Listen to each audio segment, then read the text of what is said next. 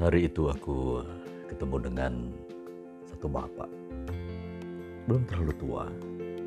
Kurang lebih 52 tahun. Orangnya kurus. Ditambah lagi badannya tinggi. Jadi makin kelihatan semampai.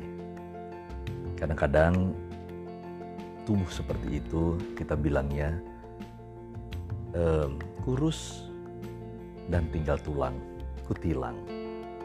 Tapi aku nggak mau ngobrolin tentang kutilangnya bapak ini, kurus tinggi langsing atau kurus tinggal tulang. Aku mau bicara tentang cinta yang ada di dalam hidupnya minimal berapa tahun belakangan ini. Dia tinggal dengan seorang ibu, terus ada dua orang anak. Yang satu idiot, umurnya kurang lebih 29 tahun. Seorang perempuan. Lalu yang kedua sudah menikah, sudah kawin orang bilang seperti itu. Umurnya 26 tahun. Jadi yang pertama tadi 29 tahun idiot, kemudian yang 26 tahun anak yang kedua sudah nikah dan punya anak. Umurnya baru 2 tahun, jadi masih bayi. Tapi anak yang kedua ini sekarang adalah janda. Masalah mulai muncul karena anaknya yang kedua ini, janda ini menjadi andalan keluarga. Orang bilang tulang punggung keluarga. Pergi pagi, pulang malam. Kerjaannya bantuin di sebuah toko, toko sepatu yang sebenarnya nggak terlalu laku-laku amat. Selain itu juga tokonya kecil. Makanya anaknya yang kedua ini, yang sebut aja namanya Angel, nyambi selain menjadi penjaga toko, bersih-bersih toko itu, bahkan kadang-kadang jam-jam tertentu oleh pemilik toko disuruh untuk jemput anaknya, anak majikannya, anak pemilik toko itu, sekaligus pulang nanti jam tertentu nganterin anak yang lainnya lagi untuk kursus les piano. Ini gak gampang untuk pria yang umur 51 52 tahun ini. Terus di rumah apa kerjanya? Nah dia pun penderita diabetes akut. Jadi memang makannya polanya harus dijaga, nggak boleh kena ini dan lain sebagainya. Sementara istrinya di rumah ya terima kerjaan-kerjaan untuk pasang kancing dari beberapa uh, perusahaan-perusahaan yang membuat pakaian ya. Orang ada bilang garment, tapi garment pun garment bukan besar yang orang memberikan pekerjaan kepadanya. Garment-garment kecil yang bukanlah perusahaan besar. Kenapa? Karena ibu ini pun memiliki keterbatasan untuk memasang kancing-kancing dari pekerjaan yang garment berikan. Minim skill, orang bilang seperti itu. Aku ngobrol dengan bapak ini. Waktu aku datang, ya dia tahu aku suka banget minum kopi. Tapi kali ini dia siapkan kopi saset biasa. Padahal dia juga tahu bahwa aku nggak suka kopi saset apa pun mereknya. Tapi apa daya, demi aku membagikan cinta, aku perhatian, aku sayang dengan keluarga ini, ku minumlah kopi itu. Jujur aku bilang, Pak, kopinya nggak terlalu enak. Dia ketawa. Dengan giginya yang sudah banyak ompong, aku nggak tahu apakah gigi ompongnya ini juga karena diabetes yang sudah menjadi bagian hidupnya lebih dari separuh usianya, atau karena penyakit lain yang aku pun gak tahu. Tapi yang jelas, apa sih cinta itu bagi bapak ini, bagi ibu, bagi istrinya, bagi anak yang paling besar, idiot umur 29 tahun. Anaknya kelihatannya tubuhnya sehat. Tapi kamu tahu, semua dia bergantung sama papanya, sama mamanya, kalau adiknya juga sudah pulang dari kerja malam hari, kadang-kadang adiknya pun ketika eh, kakaknya yang idiot ini mau BAB, ya adiknya yang sudah punya anak dengan kondisi janda itu, maaf ini, membersihkan BAB yang ada di tubuh daripada kakaknya. Tentu di tubuh bagian tertentu ya. Tapi aku lihat keluarga ini betul-betul hidup di dalam cinta. Hidup di dalam sayang. Aku pernah lihat bapak yang sudah berumur 51-52 tahun ini, tapi kelihatan physically udah kayak orang umur 70 tahun. Karena penyakit yang menggerogoti dirinya. Seolah-olah penyakit itu banyak menghancurkan mimpi-mimpinya.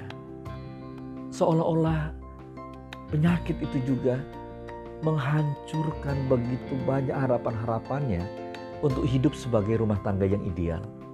Tapi aku bilang, Pak, dengan kondisi yang kurang seperti ini, dengan kondisi kesehatan Bapak yang terbatas, tetap ada cinta yang ideal kok. Aku ngeliat dengan mata kepala sendiri, dia mencintai anaknya yang idiot, yang harusnya justru hidup dalam kondisi yang makin menjadi andalan rumah tangga keluarga, tapi ternyata dia tetap memberikan cinta tanpa batas untuk anaknya ini. Dan itu diteladani, dicontohi oleh anaknya yang sehat, meskipun janda, tapi bekerja tetap memberikan perhatian kasih, perhatian cinta yang normal kalau aku nggak ngomong lebih buat kakaknya ini.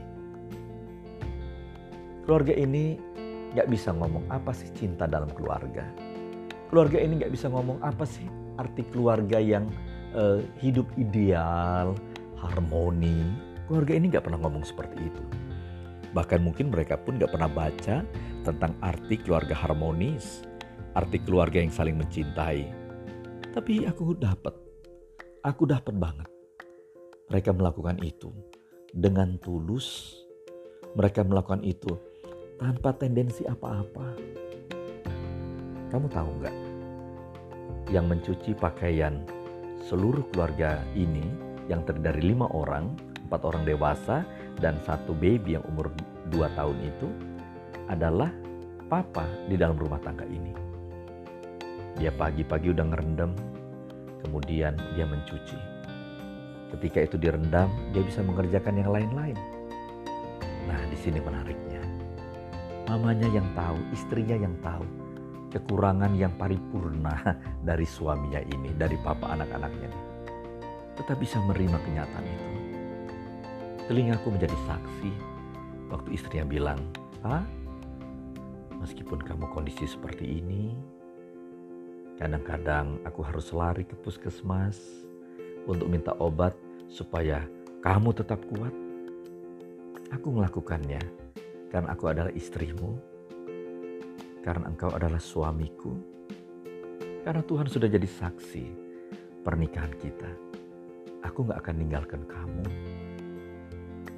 Dalam kondisi sakit beratnya, kadang-kadang dia pun hanya terbaring di tempat tidur yang kubilang tempat tidur juga gak terlalu sehat Kasurnya sudah tipis, spraynya pun warna aslinya putih agak kecoklat mudaan, ada motif bunga-bunga kuning dan hijau tapi sekarang sudah berwarna kehitam-hitaman. Keterbatasan untuk mengganti atau menyiapkan spray cadangan di rumah mereka. Tapi aku lihat istrinya tetap sayang. Aku nggak mau ngomong cinta mungkin, karena memang mungkin mereka nggak ngerti apa itu cinta. Tetapi mereka melakukan sayang, perhatian, cinta tanpa pernah mau dinilai apakah ini cinta dan sayang. Dan di rumah itu, waktu mau pulang, aku nggak kasih apa-apa. Tapi justru mereka sudah siapkan satu taplak meja yang manis, yang keren banget dibuat oleh ibu rumah tangga di situ, istri dari bapak ini.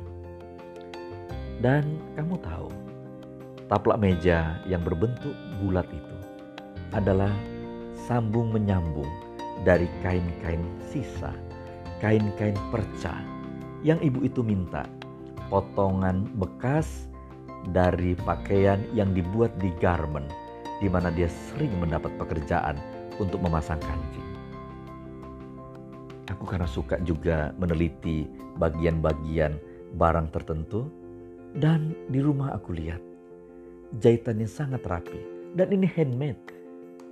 Aku hargai setinggi jiwaku. Aku hargai sedalam batinku menghargai keluarga ini. Keluarga ini penuh dengan cinta. Mereka nggak banyak mengharapkan cinta dari keluarga yang lain, dari saudara mereka yang jauh kiriman uang, dari tetangga mereka. Tetapi bagi mereka, menurutku, cinta itu adalah memperhatikan orang lain tanpa pamrih. Cinta itu juga memberikan kepada orang lain yang paling berharga bagi dirinya. Aku bilang waktu dikasih bu, ini kan ibu bisa jual. Minimal ini bisa 400 ribu. Dia bilang, kami tidak melihat harganya. Tapi ini yang bisa kami buat dan kami bisa berikan untuk kamu. Cinta itu memberi buat kamu. Suara cinta Ricardo. Kiranya suara ini juga menjadi suara cinta buat kamu. Sampai ketemu. Bye.